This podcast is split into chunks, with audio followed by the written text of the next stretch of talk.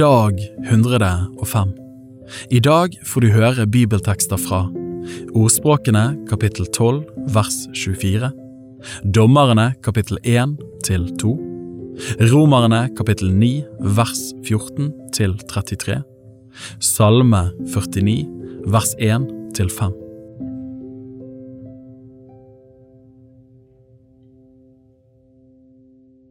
Ordspråkene kapittel 12 vers 24 Den flittiges hånd kommer til å styre, men lathet blir trell.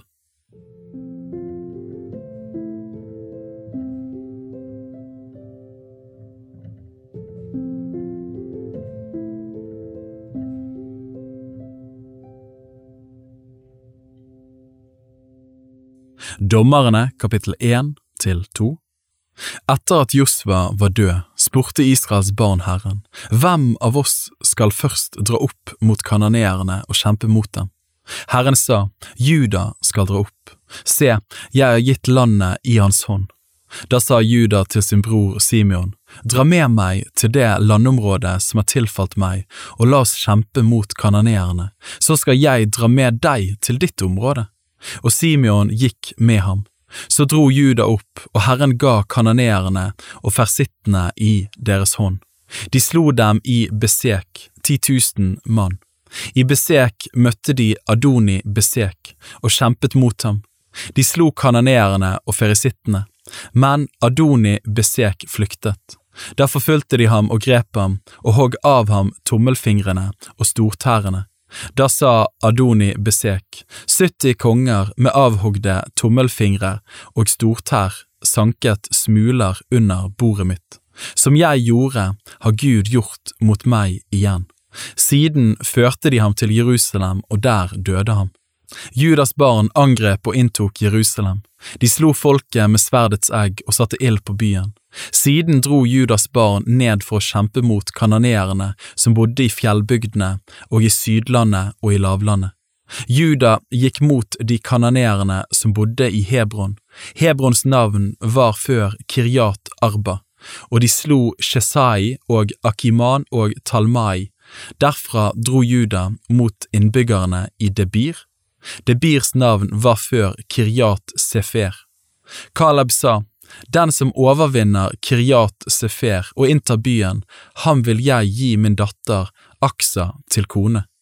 Kenisitten Otiniel, Kalebs yngre bror, inntok byen, og Kaleb ga ham sin datter Aksa til kone. Da hun kom til mannen sin, egget hun ham til å be faren om et jordstykke. Hun sprang ned av eselet, og Kaleb sa til henne, Hva vil du? Hun svarte, Gi meg en avskjedsgave. Du har giftet meg bort til dette tørre Sydlandet, gi meg nå vannkilder. Så ga Kaleb henne de øvre og de nedre kildene. Etterkommerne av Kenitten, Moses' svoger, dro med Judas barn opp fra Palmebyen til Juda ørken, som ligger sør for Arad, og de bosatte seg blant folket der. Siden dro Juda ut med sin bror Simeon, og de slo de kanoneerne som bodde i Sefat. De slo byen med bann, derfor kalte de den Horma. Juda inntok Gaza med tilhørende bygder og Asjelon med tilhørende bygder og Ekron med tilhørende bygder, og Herren var med Juda så han inntok fjellbygdene. Men han var ikke i stand til å drive bort innbyggerne i dalen, for de hadde jernvogner. De ga Hebron til Kaleb slik som Moses hadde sagt, og han drev de tre Anak-sønnene bort derfra. Men Benjamins barn drev ikke bort jebusittene som bodde i Jerusalem. Jebusittene ble boende sammen med Benjamins barn i Jerusalem og har bodd der til denne dag. Josefs barn dro også ut, de gikk mot Betel, og Herren var med dem. Og Josefs barn sendte speidere til Betel, byen hette før Lus. Speiderne fikk se en mann som gikk ut av byen, og de sa til ham, Vis oss hvor vi kan komme inn i byen, så vil vi vise barmhjertighet mot deg. Og han viste dem hvor de kunne komme inn i byen.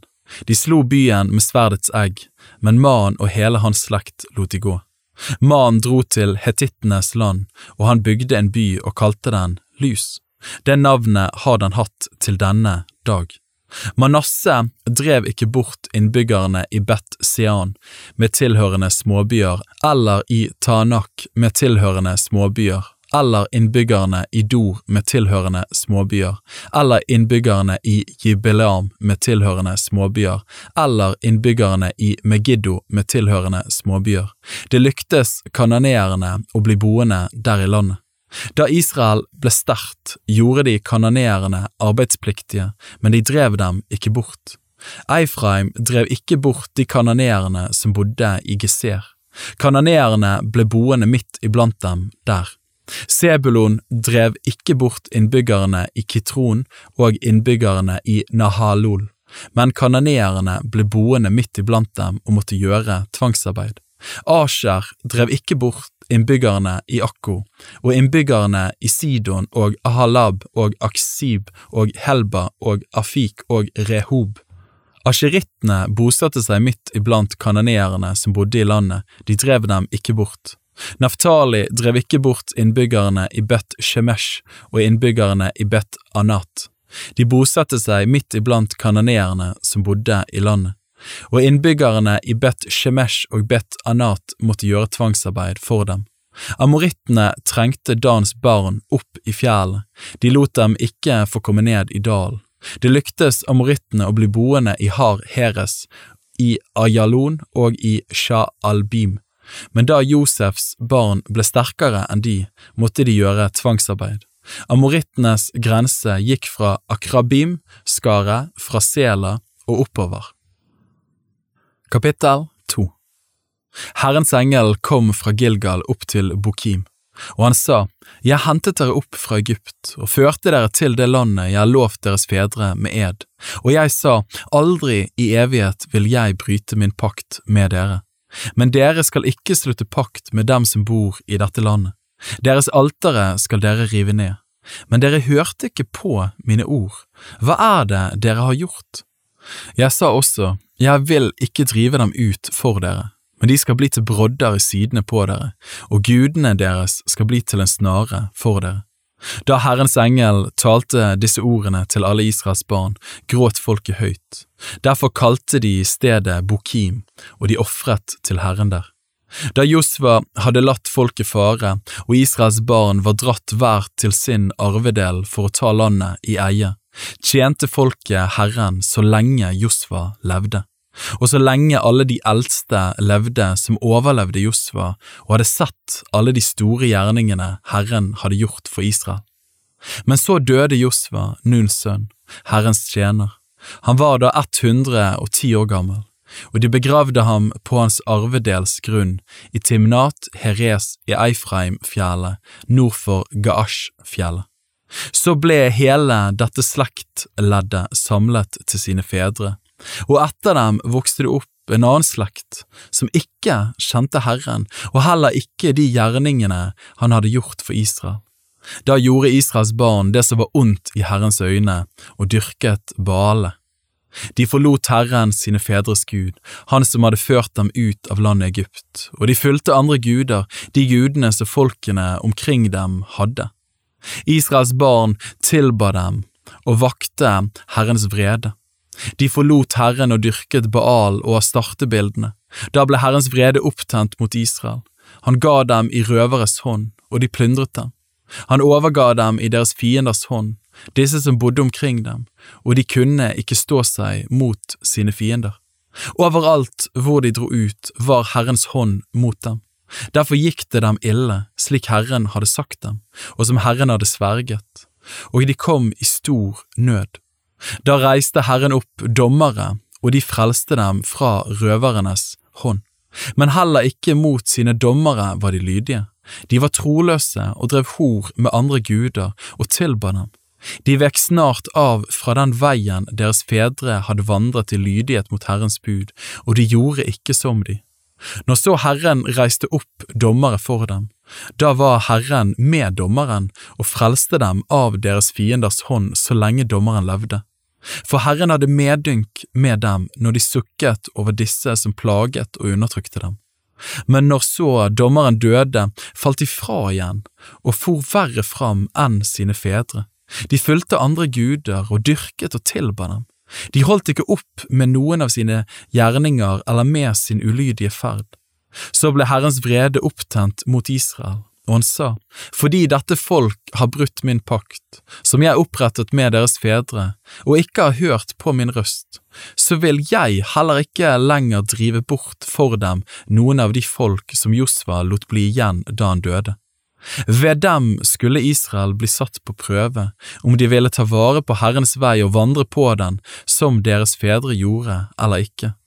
Så lot da Herren disse folk få være der, og han hastet ikke med å drive dem bort. Han ga dem ikke i Josvas hånd.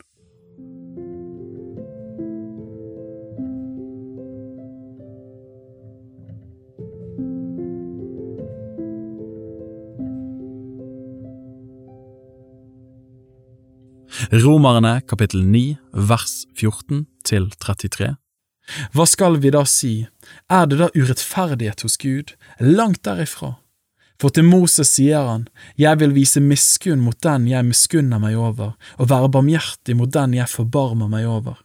Så beror det altså ikke på den som vil eller på den som løper, men på Gud, som viser miskunn. For Skriften sier til farao, nettopp til dette reiste jeg deg opp, at jeg kunne vise min makt på deg og at mitt navn skulle bli forsynt over hele jorden. Altså, hvem han vil, den viser han miskunn, og hvem han vil, den forherder han. Du vil da si til meg, hva er det da han klager over? Hvem kan stå imot hans vilje? Men hvem er da du, menneske, som tar til gjenmæle mot Gud? Kan vel verket si til ham som formet det, hvorfor gjorde du meg slik? Eller har ikke pottemakeren makt over leiren, så han av samme deig kan lage ett kar til ære og et annet til vanære? Men om nå Gud, enda han ville vise sin vrede og gjøre sin makt kjent, likevel i stor langmodighet bar over med vredens kar, som var gjort ferdige til undergang? Og om han nå gjorde dette for å kunngjøre hvor rik hans herlighet er over miskunnhetens kar, som han forut hadde gjort i stand til herlighet? Til å være slike kar har han også kalt oss, ikke bare av jøder, men også av hedninger. Slik sier han det også hos Hosea. Det som ikke er mitt folk, vil jeg kalle mitt folk, og henne som ikke er elsket, vil jeg kalle min elskede. Og det skal skje på det stedet hvor det ble sagt til dem, Dere er ikke mitt folk, der skal de bli kalt den levende Guds barn. Og Jesaja roper ut over Israel, om tallet på Israels barn er som havets sand, så skal bare en rest bli frelst. For sitt ord skal Herren sette i verk og hastig fullføre på jorden. Og som Jesaja forut har sagt, hadde ikke Herren Sebaot latt en ett bli igjen for oss, da var vi blitt som Sodoma, vi var blitt lik Gomorra. Hva skal vi da si? Jo, at hedningene, som ikke jaget etter rettferdighet, de har funnet rettferdighet. Men det er rettferdigheten av tro. Israel derimot, som søkte rettferdighetens lov, kom ikke fram til denne lov. Hvorfor? Fordi de ikke søkte den ved tro, men ved gjerninger. De støtte mot snublestein, som det står skrevet, Se, jeg legger i Sion en snublestein og en anstøtsklippe, den som tror på ham, skal ikke bli til skamme.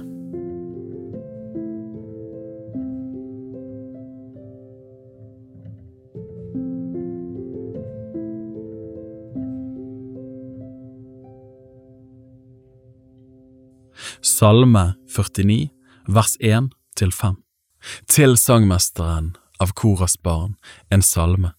Hør dette, alle folk, vend øret til, alle dere som bor i verden, både lav og høy, rik og fattig, alle sammen. Min munn skal tale visdom, mitt hjertes tanke er forstand. Jeg vil bøye mitt øre til visdomsord, jeg vil åpne min munn med gåtefull tale til sitaren. Bibel på ett år er lest av meg, Daniel Sæbjørnsen, i regi av Tro og Medier. Oversettelsen er Norsk bibel 8807, og bibelleseplanen er hentet fra deres bok Ett års bibel. Hvis du ønsker å bli bedre kjent med Tro og Medias arbeid, og stå sammen med oss i å nå nye mennesker på nye måter med verdens beste nyheter om Jesus Kristus, se vår nettside troogmedier.no, og gjerne meld deg på vårt nyhetsbrev for å få de siste spennende oppdateringene. Ha en velsignet dag videre.